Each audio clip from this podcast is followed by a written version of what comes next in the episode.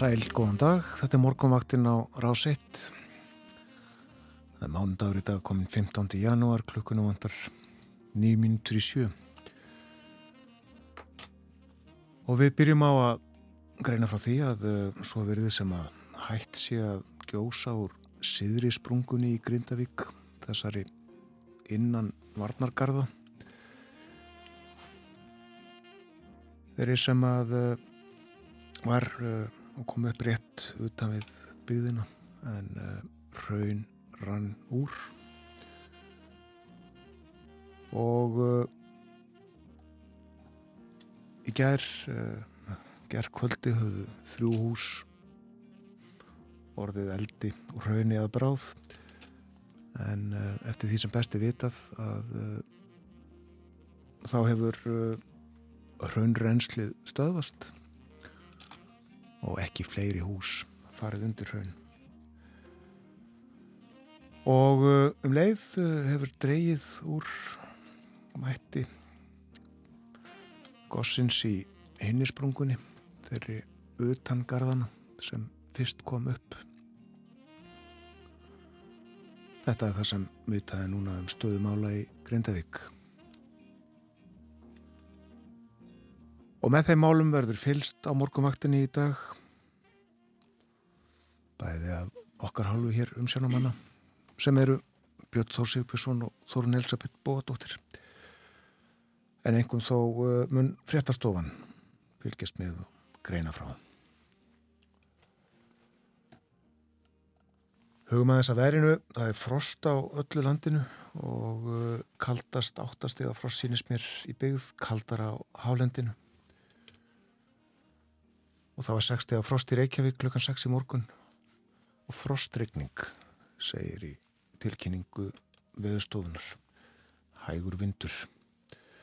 6 steg frost líka í Stafaldsei sem og í Stikisólmi allskíjaði Stikisólmi og austan 6 metrar.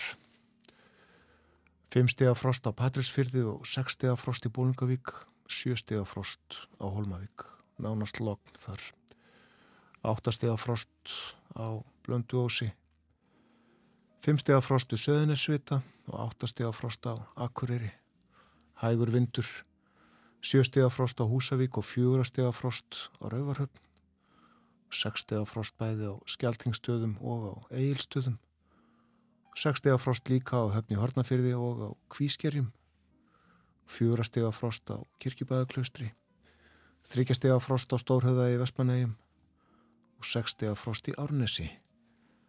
Og uh, tölurnar fyrir hálendið tveggjastafa 11, 12 og 14 steg að frost 14 steg að frost við Káranjúka Þórun uh, verður enn og áfram kallt í dag?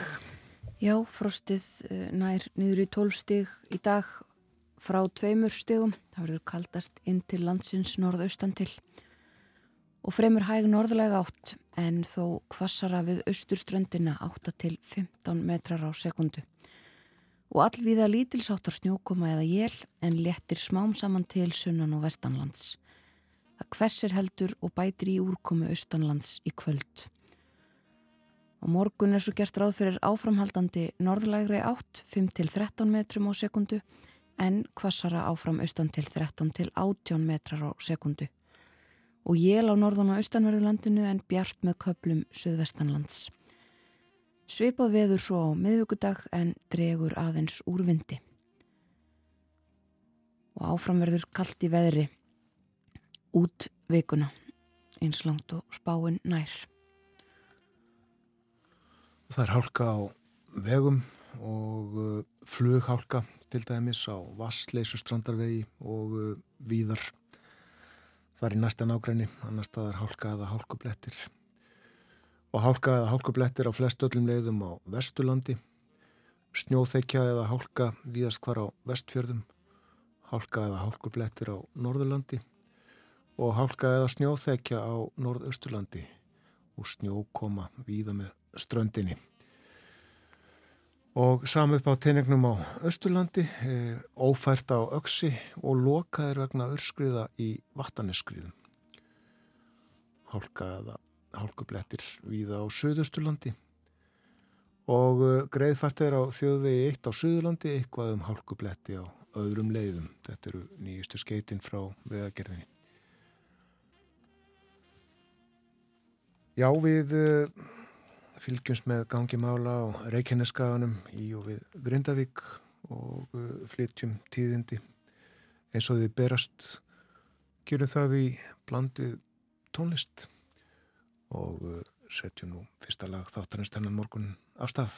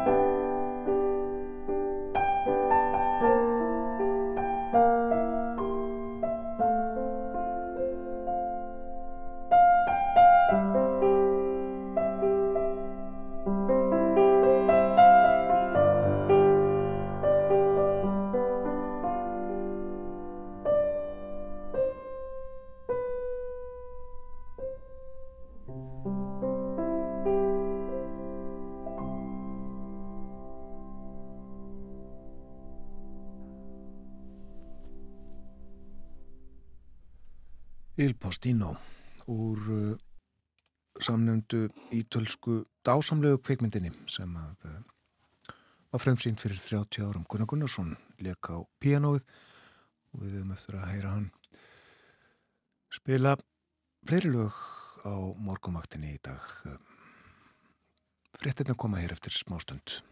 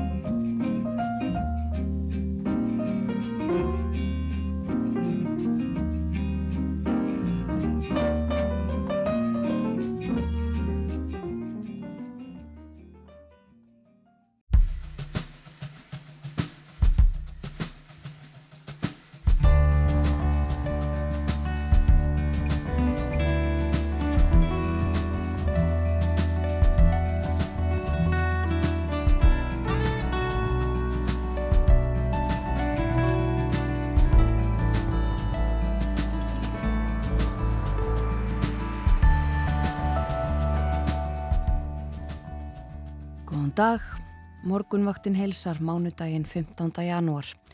Umsjónamenn eru Björn Þór Sigbjörnsson og Þórun Elisabeth Bógadóttir.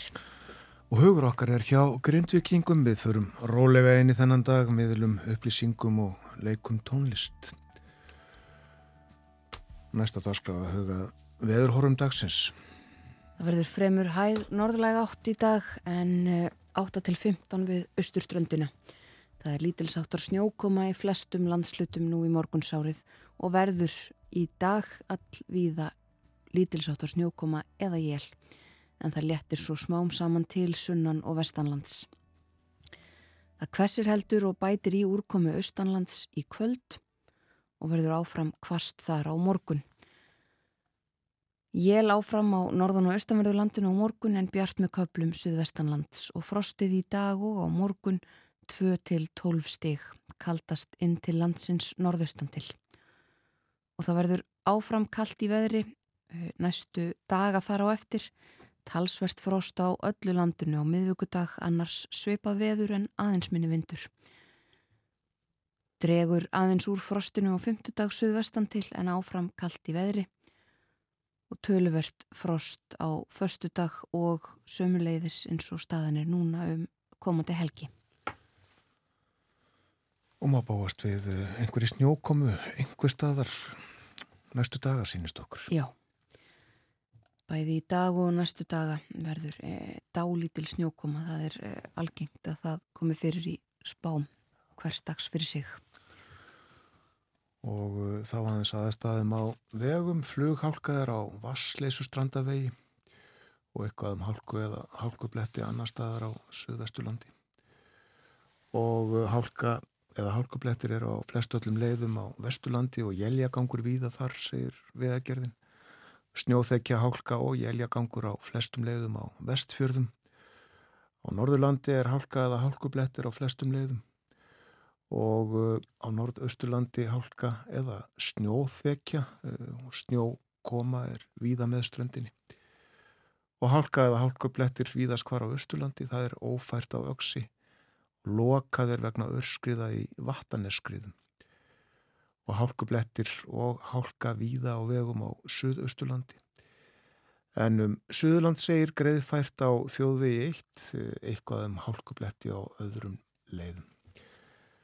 Og enn er vara við uh, og hefur verið gert síðustu daga uh, hólum í vegum. Og uh, þannig er ástatt víða um land og eins og við saðum hér á þá er á dagskráni spjall og tónlist í bland Fyrir fréttnar klukkan sjöllustuðu við á Gunnar Gunnarsson leika á pianoið Il Postino úr ítölsku kvikmyndinni og nú hlustu við á hann leika lag eftir Jón Múla Árnason.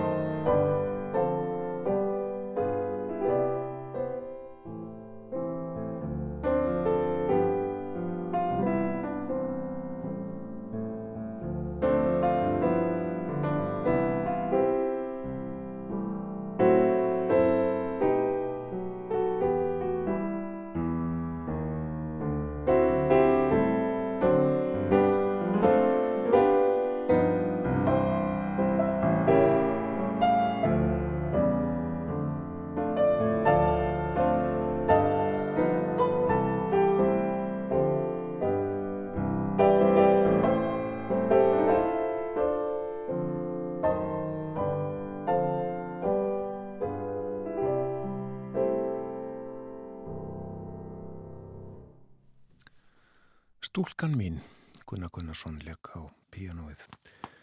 Gunni T. Jóhannesson, fórsett í Íslands, ávarpaði þjóðina í gær, í sjómas ávarpi. Vil maður leika það ávarp fyrir eh, fólk sem misti af Gunni T. Jóhannesson, fórsetti í sjómas ávarpi í gerðkvöldi.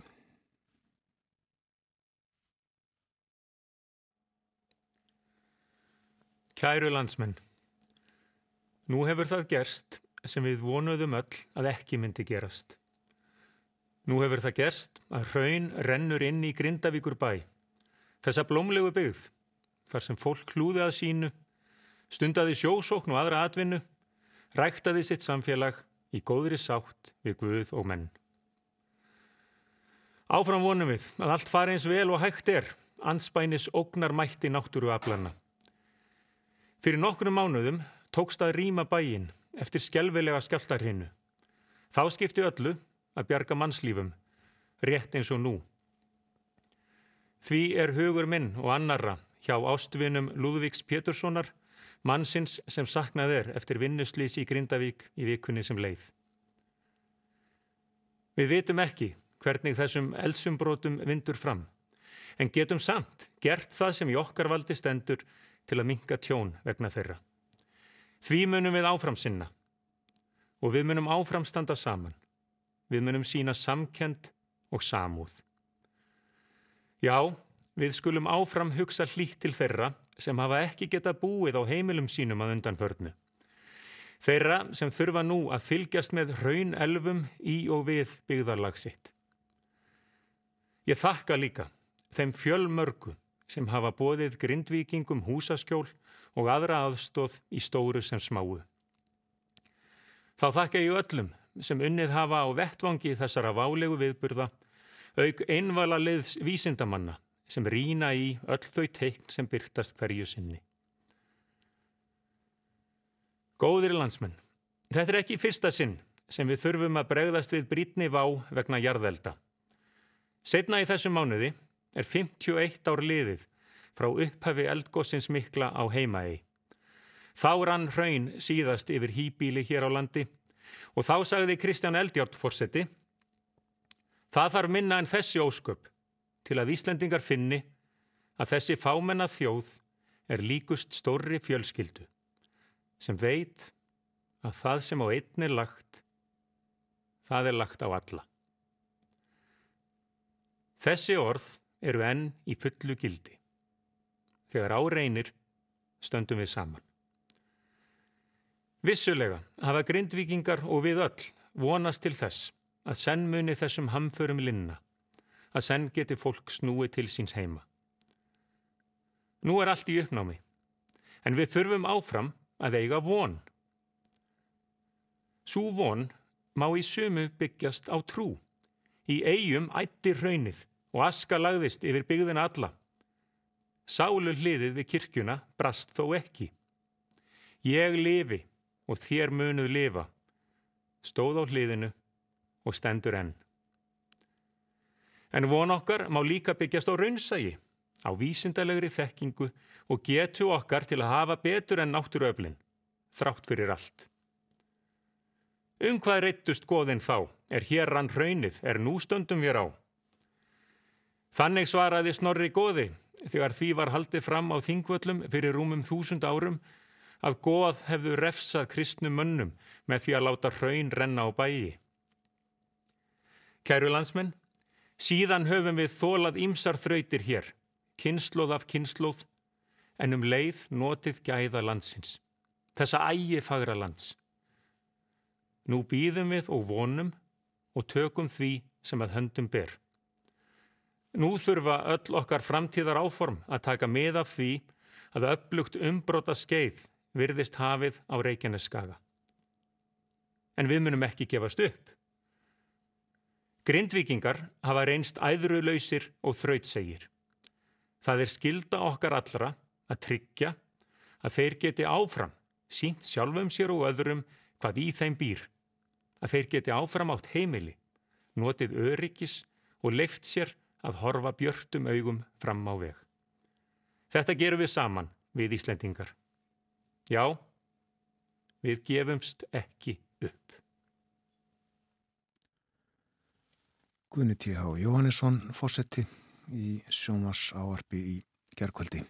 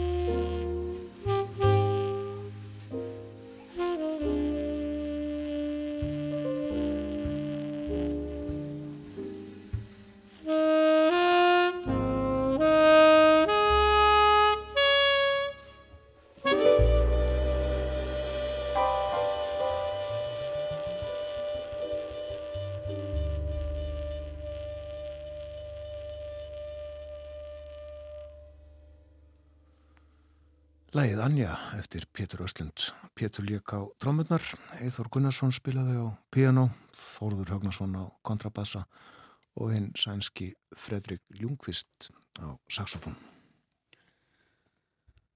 Og eins og við heyrðum í frettunum klukkan 7 þá uh, virðist vera hægt að gjósa úr siðri sprungunni við Grindavík og uh, dreyið hefur úr hraunflæði úr nyrðri sprungunni sömu leiðis en það verður flóið yfir góðstöðunar þegar að byrtir og uh, þá verður hægt að skoða allt saman betur. Það verður líka fundað, uh, almannavarnir og viðbrags aðilar koma saman til fundar klukkan hálf tíu og uh, staðan metin. Ríkistjórnin kemur sömulegis saman til fundar í dag til þess að fjalla um afleðingar eldgóðsins í Grindavík og jarðhræringa almennt á Reykjaneskaga. Katrín Jakobsdóttir fósittir svo þegar að sagði á uh, almannavarnafundunum í gerkvöldi að Ríkistjórnin ætli í dag að ákveða stuðningsaðgerðir vegna húsnæðismála. Aukin kraftur verður settur í að tryggja öllum íbúum Grindavíkur örugt húsnæði til lengri tíma. Þá verða haldnar tvær samverustundir fyrir Grindvikinga í dag. Annars vegar í sapnaðarheimili Hafnafjörðakirkju millir klukkan 5 og 7 og á sama tíma uh, í sapnaðarheimili Keflavíkur kirkju og uh, þessar stundir fyrst og fremst hugsaðar fyrir Íbúa Grindavíkur til að koma saman til að veita hvort öðru styrk á þessum erfiðu tímum segir í tilkynningu um þetta og vef Grindavíkur bæjar. Og þá hefur Rauðikrossin á Íslandi sett af stað neyðarsöpnun vegna eldgóðsins. Henni er meðal annars ætlað að styðja Íbúa bæjarins. Það segir í tilkynningunni, það hryggir okkur að eldgóðsið valdi skemdum á heimilum fólks og innviðum bæjarins. Hugur okkar er hjá grindvikingum og við munum standa með þeim í gegnum þetta erfiða tímabil og vera til staðar eins lengi og þörf krefur. Við vitum að fjölmarkir aðilar, bæði innlendir og erlendir hafa mikla samúð með þeim hamförum sem grindvikingar standa nú framifyrir og vilja ekki að sitta mörgum til að styðja bæjarbúa og hjálpa þeim að komast í gegnum þessar remmingar. Þessari söpnun er ætlað til að komast til móts við öll þau sem vilja leggja sitta mörgum og veita bæjarbúum stuðning og það er hægt að uh, styðja við þessa söpnun með fjölmörgum leiðum, það er hægt að finna þær inn á VF Rauðakrossins. Og við fylgjumst auðvitað með hér á morgumvaktinni fer að koma því að við hleypum frettastofinni að, uh, heyrum þá það nýjasta af þessu öllu saman. Það eru frettamenn á ímsum vikstöðum, meðal annars heyrðum við Arnari Bjössinni í uh, skóarhlýðinni hjá almannavörnum og uh, við heyrum og látum vita af því sem að uh, gerist hér á morgunvaktinni. Leikum svo litið meira af tónlist líka í þættinum og segjum svo líka frá ýmsu öðru sem að er að gerast í heiminum hér á eftir en förum að hleypa fréttastofinni að Það kemur yfirleitt morgunfrétta eftir þrjár mínútur.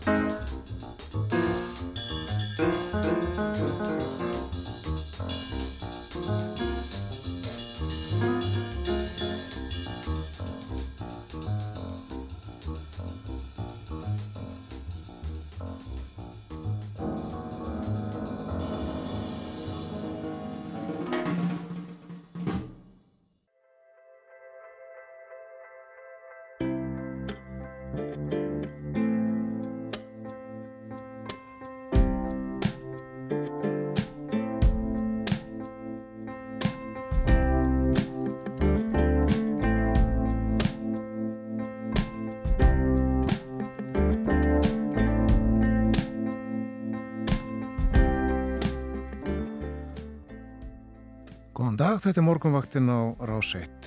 Klukka núna réttliðilega hálf átta, það er mánundagur í dag, komin 15. janúar. Umsjónamenn þáttarins Björn Þór Sigbjörnsson og Þórun Elisabeth Bóadóttir. Veðurhorfur dagsins eru svona fremur hæg norðlæg átt en uh, vindfræðin 8 til 15 metrar á sekundu við austuströndina. Allvíða lítils átt að snjókoma eða jél en það léttir smám saman til sunnan og vestanlands og hversir heldur og bætir í úrkomu austalands í kvöld. Og frostið í dag 2-12 eh, stig, það verður kaldast inn til landsins norðaustan til.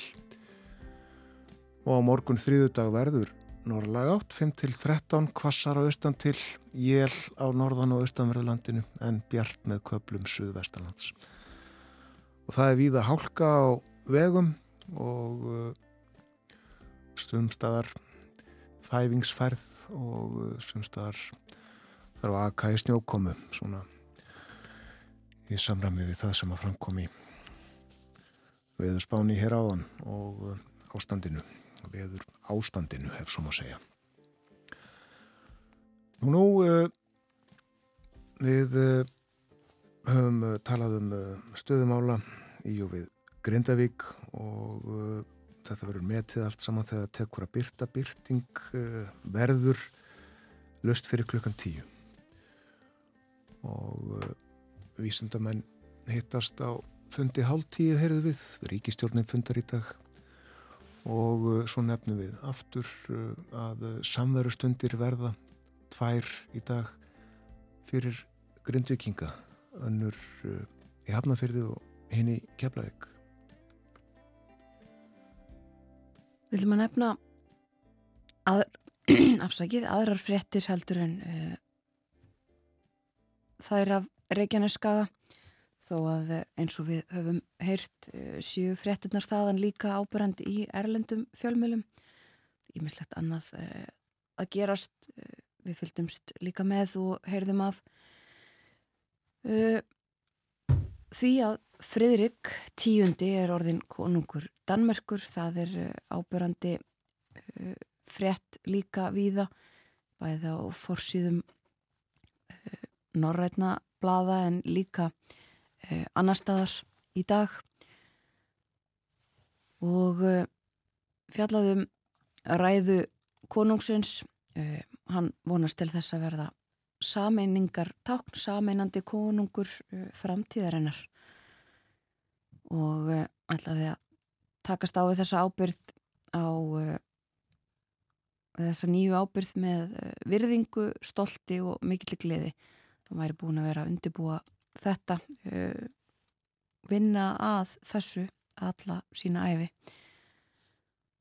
og Margret Þórildur drotning yfirgaf sviðið með nokkuð tákrænum hætti skrifaði undir papýra og uh, gekk út úr herberginu í, í uh, höllinni eftirlið síni sínum að ég skrif undir sambarlega papýra líklega og uh, svo var það Mette Freiriksen fósættisráþurra sem uh, tilkynnti dönsku þjóðinni að uh, þetta væri yfirstaðið Margret Þórildur hefði uh, afsalað sér krúnunni og Fredrik tíundi væri tekin við og ríki nú engin drottning í Európu. Einmitt. Voru þrjár, uh, já til dæmis 2013. Margret Ann drottning, Elisabeth Englands drottning og Beatrice Hollands drottning. Einmitt, nú eru uh, karlar við völdið á þessum uh, konungstólum uh, um Evrópu en Danir fenguðu þetta nýja drottningu með Mary konu Fridriks hún er núna Mary drotning en uh, áfram auðvitað fjallaðum uh, eh, stöðumála á uh, Gaza og annar staðar í nágreininu á fjölmörgum forsiðum í, í dag en bandaríkja menn til dæmis líka með með augun á Æjóa ríki. Þar hefst kostningabaráttan svona formlega kannski í kvöld þegar að forval, fyrsta forvalið fyrir fram, það eru kjörfundir í Æjóa þeir verða í kvöld og mánutaskvöldi á bandarískum tíma og uh, frambjöðundur republikana uh, í ríkinu með svona síð, síðustu skilaboð og að reyna að koma fólki á kjörstað. Það er afskaplega kallt í Æjóa sem er talið geta haft áhrif á niðurstöðuna á það hverjir láta sig hafa það að fara út í kuldan og, og fara á þessa kjörfundi. Það er alltaf 30 gráðu frost og uh, Donald Trump uh, sem er með mikið forskot á aðra frambjöðendur uh, rætti þetta á sínum síðasta fundi, svona kostningafundi og sagði við ætlum að skrá okkur í sögubækunar en þið verðið að mæta. Nýðustafin í þessu ríki mun senda skilabóð til uh, alls landsins og í rauninni alls heimsins. Og uh, hann sagði við erum að reyna að setja met á fundi á förstu dag um, hann er með töluvert mikið forskott á aðra frambjöðundur og uh, vil sem sagt reyna að setja met í því hvers, með hversu miklu mun hann vinnur. En þau eru þarna líka uh, fleiri og það eru Ron DeSantis og Nikki Haley sem að berjast um það eiginlega að verða frambjóðandi nummið tvö lenda í öðru sæti. Og hafa líka verið að senda skilabóð til kjósenda sinna og uh, það er mikið stundað í ægó að, að uh, banku upp á hjá fólki og það hefur vist Ron DeSantis og hans fólk gert farið á í mörg hundru þúsund hús í Æjóa undanfarið. Heimilislegt. Ron DeSantis er ríkistjóri í Florida. E, Nikki Haley sem nefnd var, var um skeið í eitt árið að svo sendi herra bandaríkjana hjá saminuðu þjóðunum. En uh, þarna eru svo tveir aðrir, uh, Asa Hutchinson, uh, hann er ríkistjóri í Arkansas og, eða var og svo er þarna maðurinn nafni Vivek Ramaswamy Já. sem er einhvers konar frumkvöðl en uh, Trump uh, virðist njóta mest fylgis í Æjófa Já og uh, það hefur verið þannig síðustu 24 ára uh, sá frambjóðandi sem að uh, vinnur í Æjófa hann stendur ekki uppi með útnefningu republikanan flokksins þegar upp er staðið en um, það er aldrei að vita hvað gerist núna. Nikki Haley uh, er samkvæmt skoðanakonunum í öðru sæti og Ron DeSantis uh, farin niður í það þriðja. Hann hefur sagt að, hann ætli sér að vinna í uh, þessu forvali þarna. Hann vilji gera það og ef hann lendur í þriðja sæti þá ykst þrýstingurinn á hann að reynilega draga sér í hlýja, segja erlendir fjölmilar en við fylgjumst með þessu og, og segjum eflust frá á morgun. Og ímislegt fleira sem hægt væri að nefna úr erlendum fjölmjölum, um, kannski nefnum það að það eru uh, nýjar og umfangsmjöglar skoðanakannanir í breskum fjölmjölum í dag byrtar.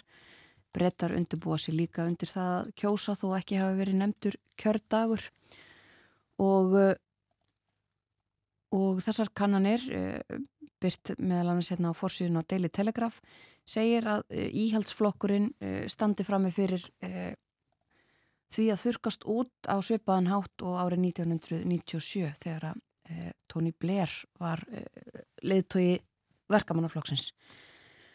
Og verkamannaflokkurinn myndi vinna 120 þingmanna meiri hluta ef að kosið er því í dag. Svo líka einhannur frétt sem við nefnum vegna þess að þetta er stórt kostningamál og fjallaðum um, fjallaðum víða og lengi það er þessi áform breska stjórnvalda um að senda hælisleitendur til Rúanda. Það var gerður dýr samningur þar um þetta við farið fyrir mannrettindadómstólinn og Risi Súnak verið uh, harður í því að halda þessu til streitu. Nú sagt frá því að fórsíðinu á æ uh, breska blæðinu að brettar hafi veitt uh, fólki frá Rúanda hæli í Breitlandi og þetta gerir lítið úr þessum áformum ef að verið sé að veita fólki frá Rúanda hæli í Breitlandi þá getur ríkið ekki talist örugt fyrir hælisleitindur. En segjum þetta gott af erlendum frettum í byli, við ætlum að snú okkur aftur að Grindavík. Þegar að Grindavík var rýmt í nóvember Þá rættum við hér á morgunvaktinni við Þóru Sigfríði Einarstóttur, sálfræðing og framkvæmdastjóra Dómus Mentis geðhelsustöðvar. Hún rætti þá eh, hvaða tilfinningar geti bærst um í fólki og hvernig hægt er að hlúa að sér og sínum í aðstæðum eins og þeim sem að samfélagið í Grendavík hefur nú búið við í rúma tvo mánuði. Og margt af því sem að Þóra sagði við okkur þá, það er enni fullu gildi og við skulum heyra hluta viðtalsins sem við áttum við hana í november.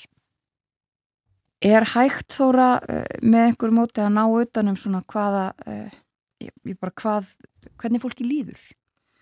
Já, er auðvitað, þetta er auðvitað óviss ástand sem er, er, er þannig að ógnin er ekki enn yfir stafin.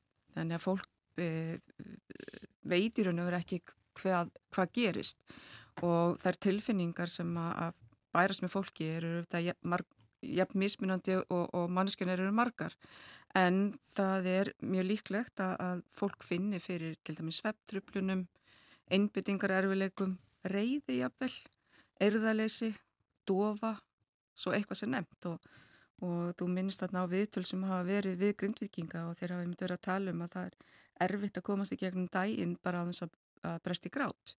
Þannig að þetta er svo sannarlega e, yfir þyrmandi ástand sem að hefur mikil áhrif á líðan fólks.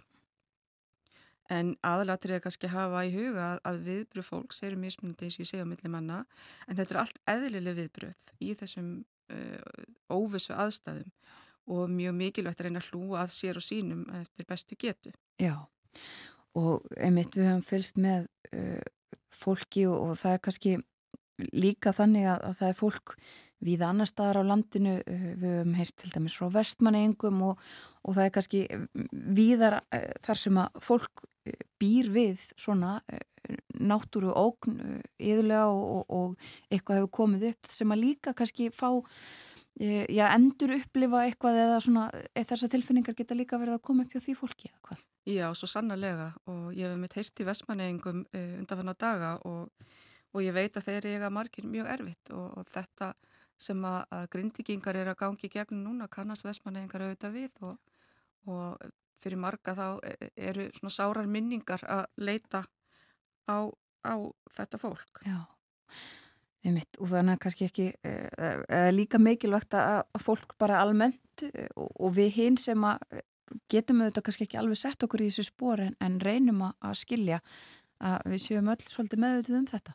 Já, það er svo sannarlega mikilvægt og, og hérna og við sem samfélag reynum einhvern veginn að koma saman og, og stiðja við e, grindvikinga sem að búa við þessa gríðarlega óvissu akkurat núna. Já, við höfum líka séð e, viðtöl á viðtali um helgina til dæmis við, við grindviking sem að nefndi bara e, það að, að, að, hérna, að hitta annað fólk, aðra grindvikinga það væri, það væri gott að gera það um, það er kannski eitt af svona bjargráðunum sem að fólk getur uh, gripið í en, en, en hvað, ef við svona förum bara heilt yfir, hvað er best fyrir fólk að gera hvernig á það að takast á við þessar tilfinningar sem það upplýðir? Ummitt, uh, það er ímislegt sem við getum gert til að hlúa að okkur í svona óvis ástandi og eitt af því sem er mjög líklegt er að, að fólk hefur áhyggjur, auðvita, af því að, að hérna, þetta er óvis ástand og, og fólk veit ekki hvort það getur snúið tilbaka að heimilinu sínu, hvað verður um heimilu þeirra, hvað, hvort að samfélagi verður til staðar þegar öllu þessi lókið.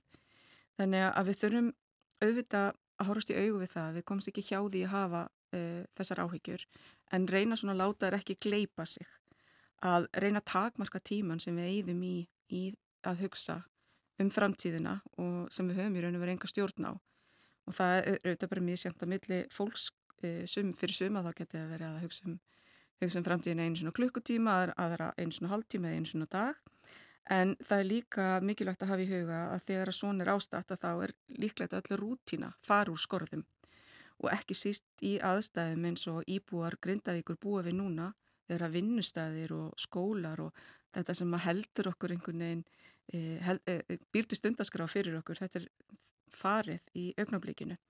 Þannig að til að hlúa að okkur er eitt af besta sem við gerum er að reyna að búa til einhverja rútínu e, sem allra fyrst fyrir okkur sjálf og, og líka fyrir börnin okkar og reyna bara að halda fast í góðar sveppvenjur, þarf að fara að sofa og fara á fætur á svipuðum tíma alla daga, borða reglulega, reyfa sig.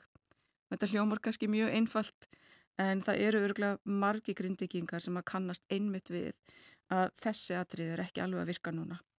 En staðrindin er svo að þessi þrjú atrið, svepp, matur og reyfing er grunnurinn fyrir allt hitt. Já. Og fólk verður auðvitað kvílast og nærast til að geta tekist á við þetta álag. Já.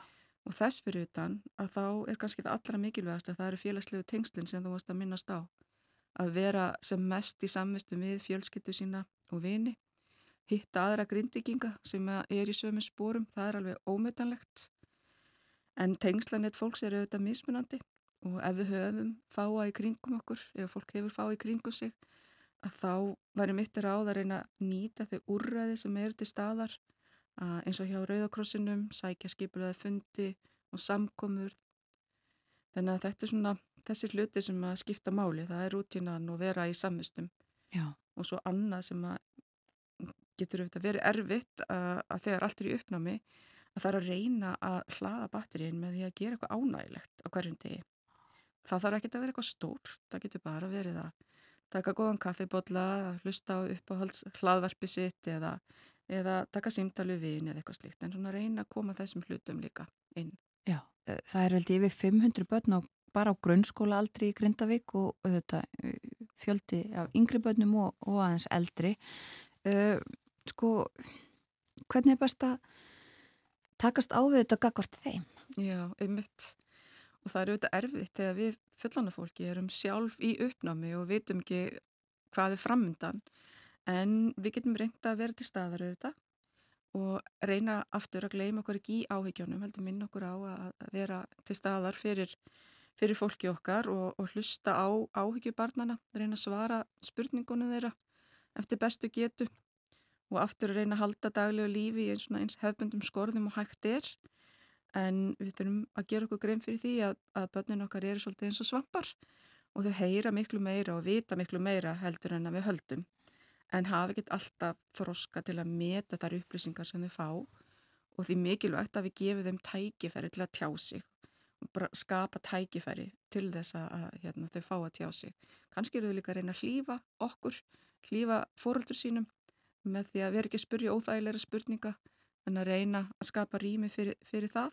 Já.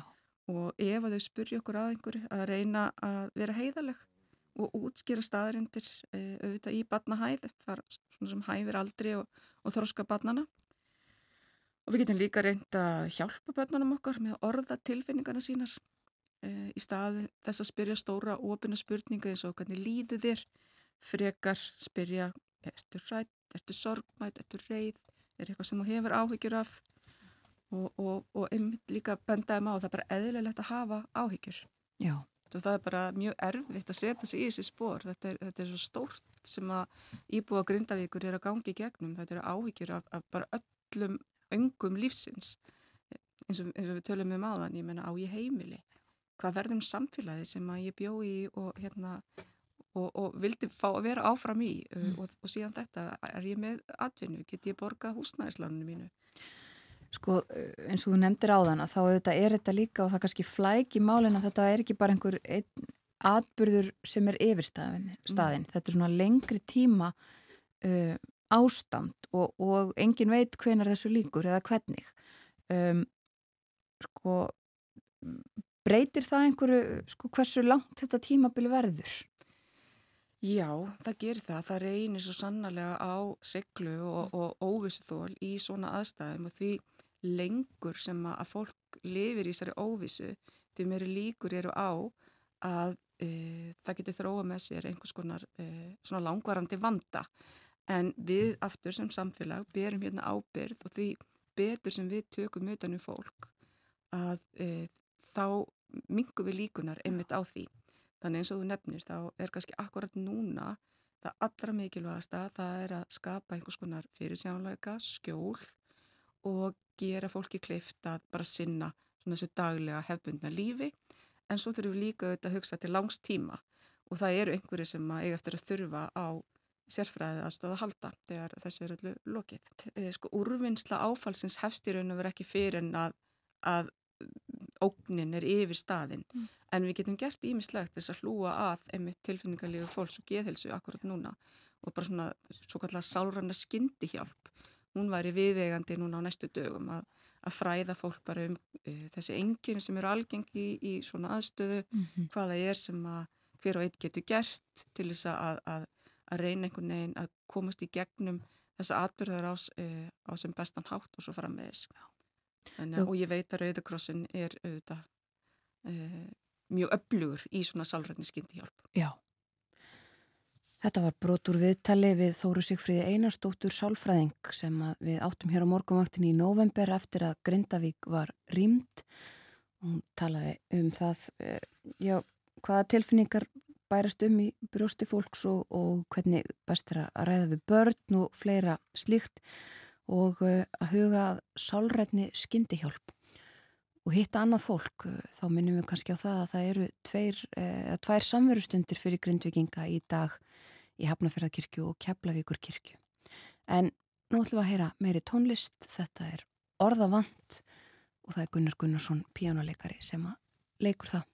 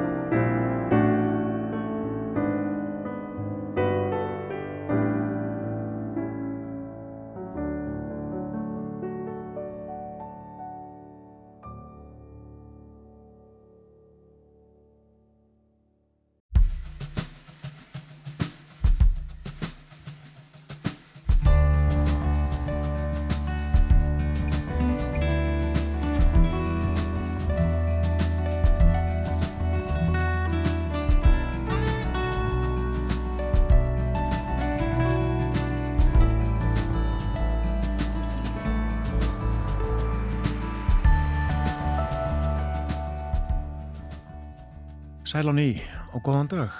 Þetta er morgunvaktin á 1. Klukkan farin að ganga nýju. Umsjónamenn þáttar eins í dag Þórun Elisabeth Bóadóttir og Björn Þór Sigbjörnsson. Við fylgjum ykkur til nýju í dag. Já, það hefur kólnat halsvert að landinu frá því sem var í síðustu viku þegar hlýjir vindar leku við okkur, ef svo maður segja. Frost í dag, eh, frost á öllu landinu, tólstiða frost það sem kaldast verður og kallt næstu daga og mun líka snjóa hér og þar. Í dag og næstu daga einnig. Og það er hálka almennt á vegum landsins og sumstaðar þæfingur. Já, ríkistjórnin kemur saman í dag og fyrir við stöðumála og sérstaklega á að fjalla um húsnæðismálun eins og frammiðu komið. Og pólitíkin er svona að vakna eftir uh, jólalefið og uh, nokkrar nefndir þingsins munu koma saman í dag.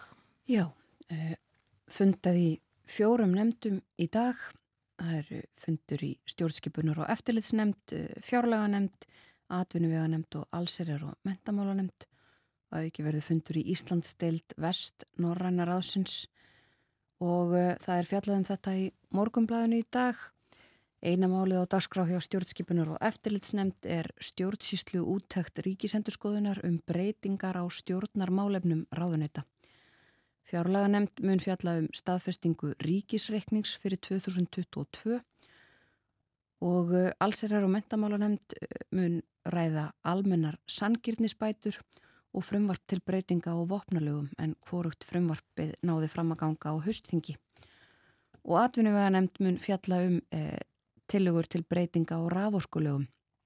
Það frumvarp hveður á um orku öryggi almenningsfyrirtækja og annara stórnótenda og uh, það var umdelt og umræðunum það frestað rétt fyrir jól en er sem sagt til umföllunar í nefndinni í dag. Þingi kemur svo saman eftir viku.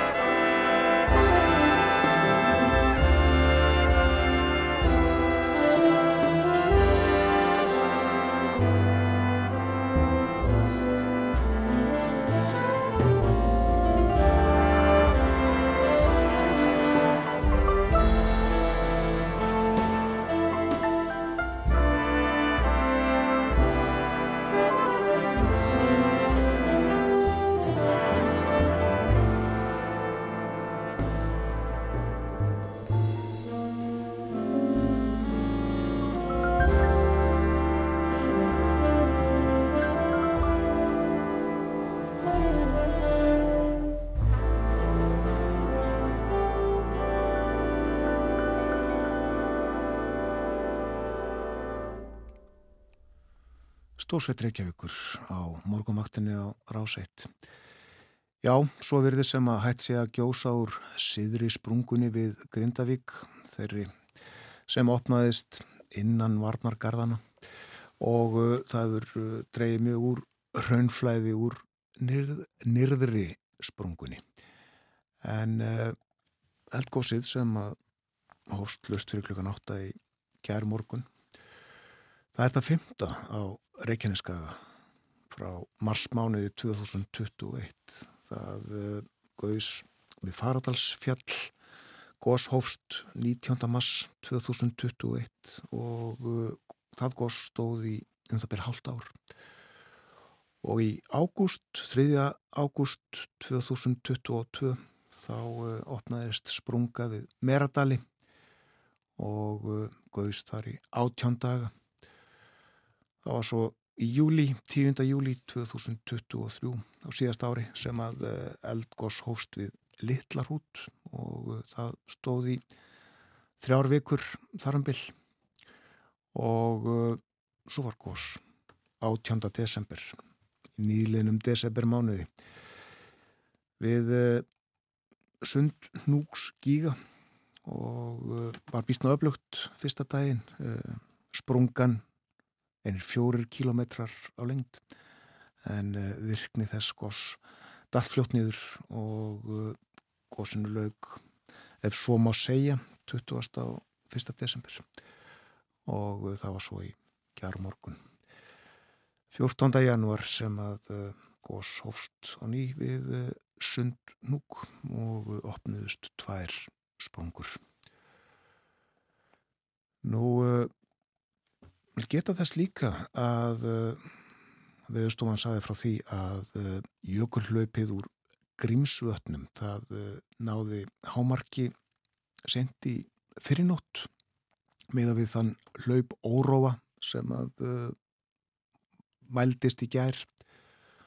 Renslu og rafleðinni í gíukvísl eh, heldur þó áfram að vaksa og má búast við að hlaupið í fljóttinu ná í sínu hámarki um einum til tveimur sólarhingum setna en í grímsvötnum það er sem sagt hámarki dag eða snemma á morgun.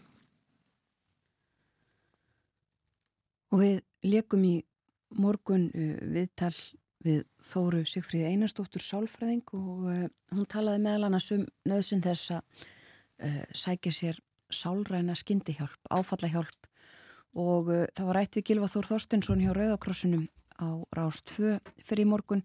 Hann sagði fólk væri sem betur fer farið að nýta sér áfallahjálp.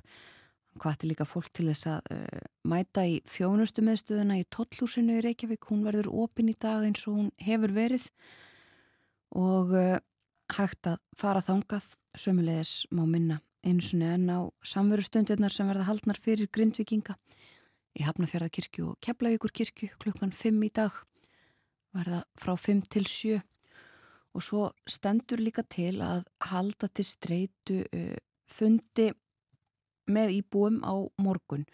Honum var frestað í síðustu viku eftir hörmulega slésið sem að varð þá og uh, stemt að því að uh, halda hann á morgun klukkan 5 og það hefur verið búið að Katrín Jakobsdóttir fórsættir sá þeirra ætli að mæta á þann fund en uh, annars dagskráin ekki verið kynnt svona formlega og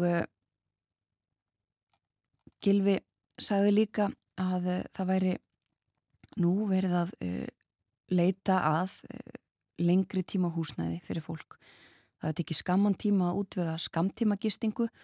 Það hafi verið búið strax klokkan átta í gerðmorgun og fólki komið fyrir á hótelum og gistiheimilum þar sem það verður í nokkra daga en uh, nú þarf að reyna að finna fólkinu húsnæði til lengri tíma. Og eins og við höfum nefnt að þá allar ríkistjórnin að ræða þau mál í dag, húsnæði stuðning uh, og á að setja aukin kraft í það að kaupa og leia íbúður fyrir grindvikinga. Katrín Jakobsdóttir sagði í gerðkvöldi að staðan í húsnæðismálum uh, væri óviðunandi fyrir grindvikinga. Og hún bóðaði einnig frumvarp um stuðning við fyrirtækin í Grindavík. Það er verið að gefa í aðgerðir stjórnvalda, sað hún. Og líka settur aukinkraftur í sálfélagslegan stuðning. Og uh, þetta var líka uh, það sem að Gilvi talaðum og hann myndist líka á uh, söpnunina sem við nefndum fyrir morgun. Rauðukrossin hefur sett á stað söpnun fyrir grindvikinga. Hún hefur farið vel af stað. Fólk tók vel við sér, saði Gilvi. Það er okkar vona við getum létt undir með grindvikingum.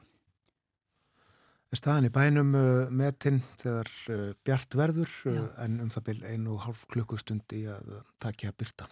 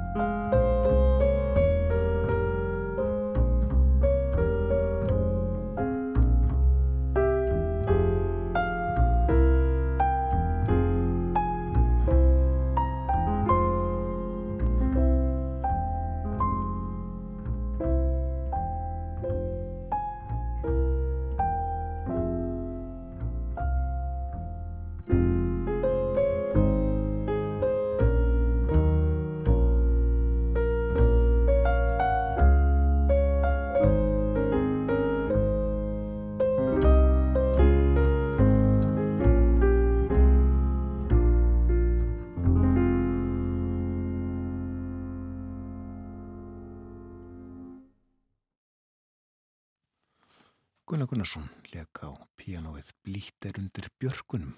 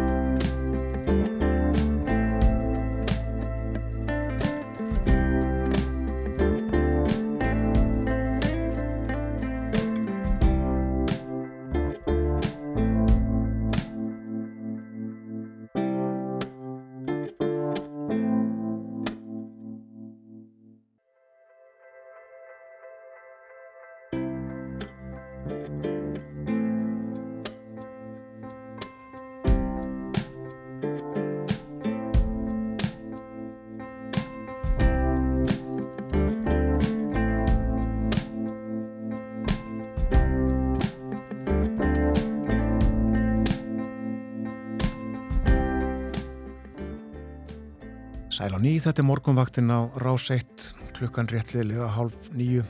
Fengum þarna í frettaði litinu gott yfirlit yfir stöðumála í Grindavík. Nú það er lítilsast að snjókoma í flestum landslutum. Það var uh, hér fyrir morgun þegar uh, veðurfræðingur skrifaði hugleðingar dagsins norrlega eða breytilega átt í dag, uh, eh, 3-8 metrar á sekundu, kvassara östast á landinu, 8-15 metrar þar. Það léttir til, vestan til síðdeis og síðar líka sunnalands en bætri jél og hversir um norð-austanvertlandið í kvöld og uh, frostið í dag 3-12 stig það verður kaldast inn til landsins. Og á morgun þriðu dag verður norrlæg átt 5-13 kvassara fyrir austan, jél á norðan og austanverðurlandinu en bjart með köplum suðvestanland svo áfram verður kallt í veðri og uh, verður uh, frost held ég megi segja útvikun allavega og næstu helgi líka. Já. Kanski aðeins nánar að uh, veðrinu í Grindavík. Uh, það ætti að byrta til þar og uh, vera ágættis aðstæður þá til þess að skoða uh, bæinn. Síðar í dag létt skíjaðum hádegi og fimmstega frost, hægur vindur.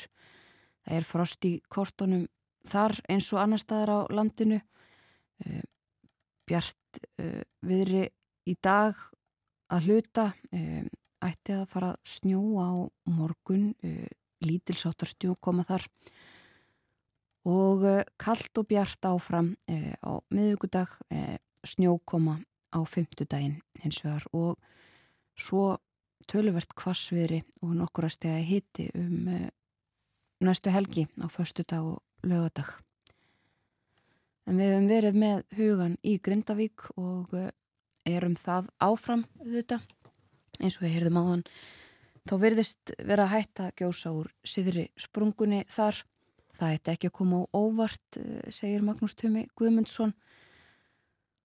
Og eh, fylst verður náið með stöðumála verður væntanlega farið yfir góðstöðunar í byrtingu og málinn skoðu betur og við höfum líka nefnt að fjölmarkir fundir á dagskráni viðbrasaðilar og almannavarnir funda eftir klukkustundi eða svo ríkistjórnin kemur líka saman til fundar til þess að fara yfir uh, húsnæðismálinn ekki síst og ímiskonar stuðning við grindvikinga.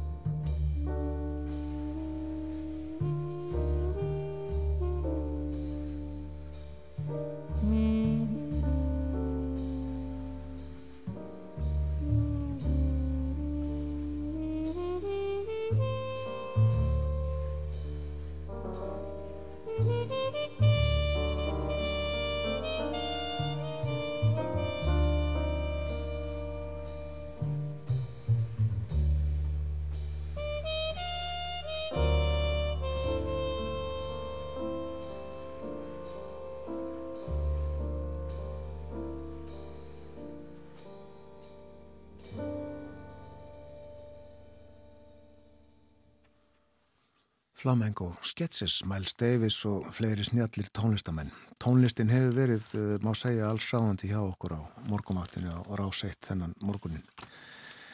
Í morgunblæðinu í dag er rætt við Kjartan Fridrik Adolfsson.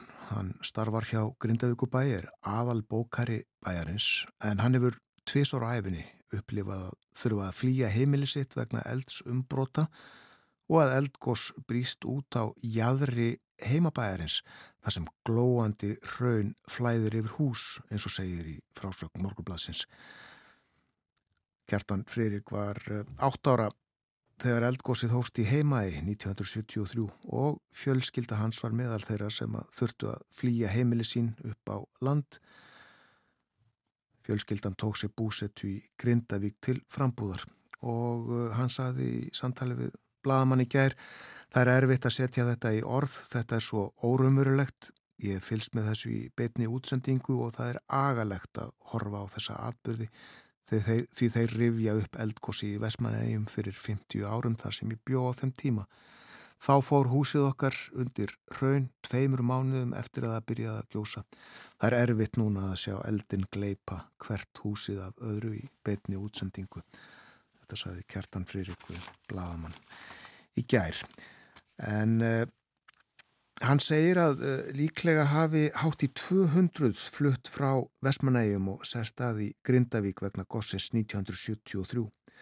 Þá voru fluttinn 40 viðlagasjóðshús sem reist voru í hverfi sem að ber nafnið Eyjabíð.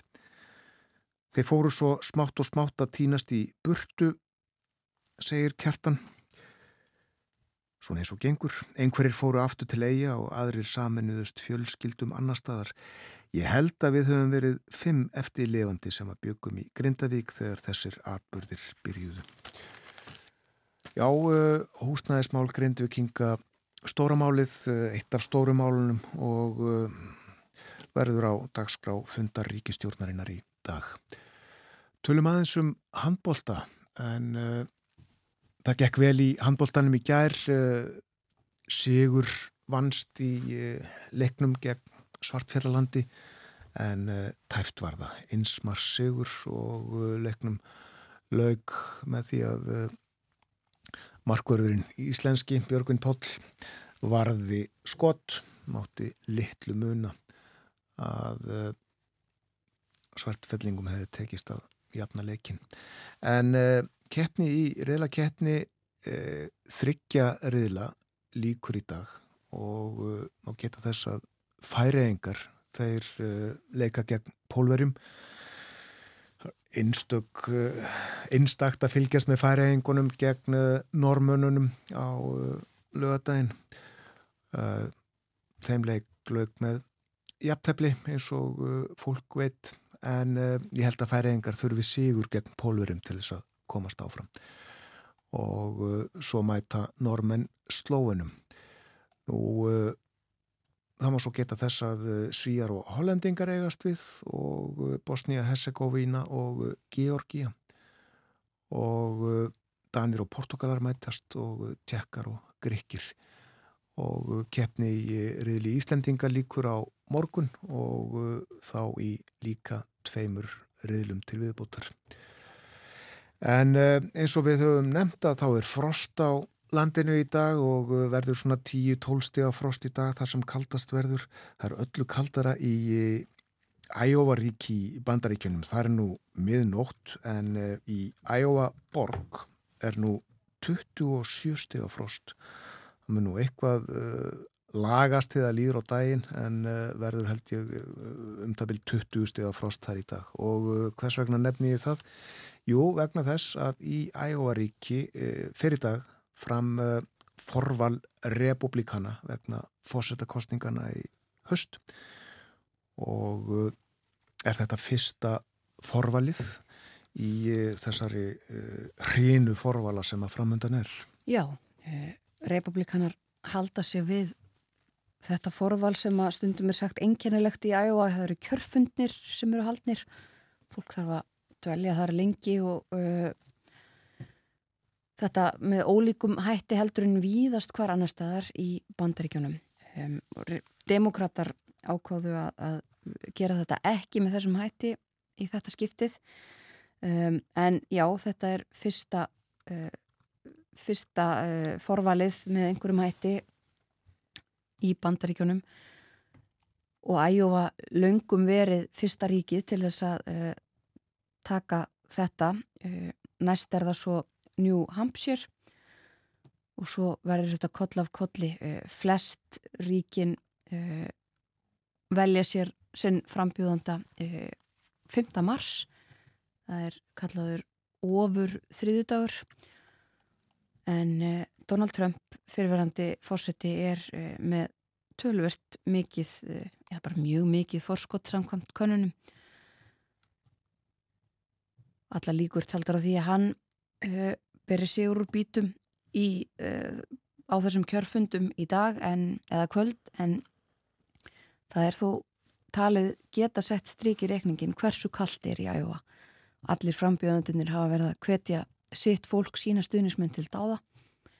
Uh, það verði jú að mæta á staðin til þess að greiða sitt atkvæði og svo eru það Nikki Haley og Ron DeSantis sem að eru að bítast um að vera í öðru sæti. Það er eiginlega staðan eins og hún er uh, núna og uh, það getur haft sitt að segja um framhaldið uh, hvort þeirra hafnar í öðru sæti hvernig þeim gengur. Ron DeSantis hefur gefið það út að hann hafi alltaf sigur í æjóa en uh, svo kemur það í ljós hvernig þetta fer allt saman. Þetta hefur áhrif á uh, áframhaldandi fjármögnun og ímislegt hjá frambjöðundum. Það er jú, kostnæði samt að standa í svona í öllum ríkjum bandaríkjana. Við uh, flytjum tíðindi að niðurstuðunum í uh, þættinum í fyrramálið.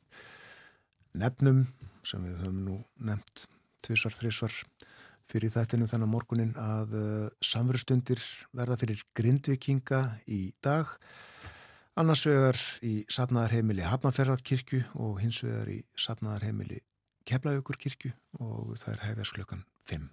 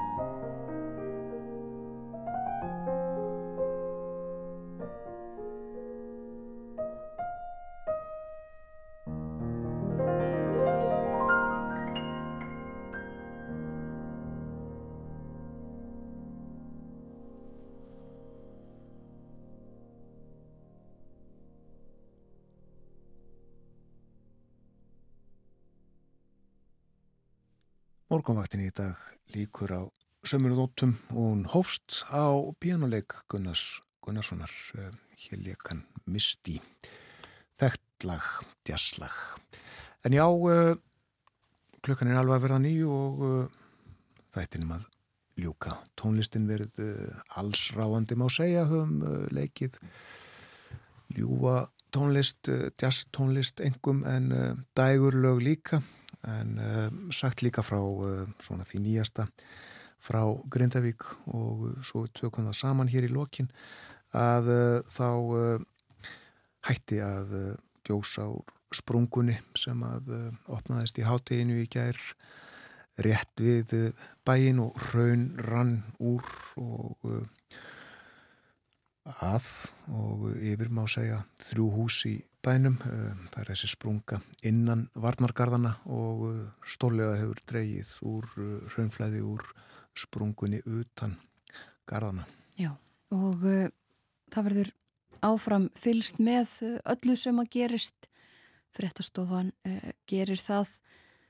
Við heyrum nýjustu tíðandi frettunum sem að koma eftir þrjára hálfa mínútu. En svo við höfum nefnt að þá er uh, áallega að skoða stöðuna betur í byrtingu. Ríkistjórnin fundar í dag eh, sömuleiðis viðbrasaðilar og eh, svo verða samverustundir fyrir grindvikinga. En þessu verður öllu fyllt eftir, já, hjá frettastofunni og áfram bein uh, vakt á vefnum líka.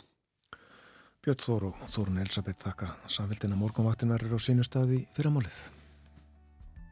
Vonum að því njótið dagsins eins og hægtir verðið sæl.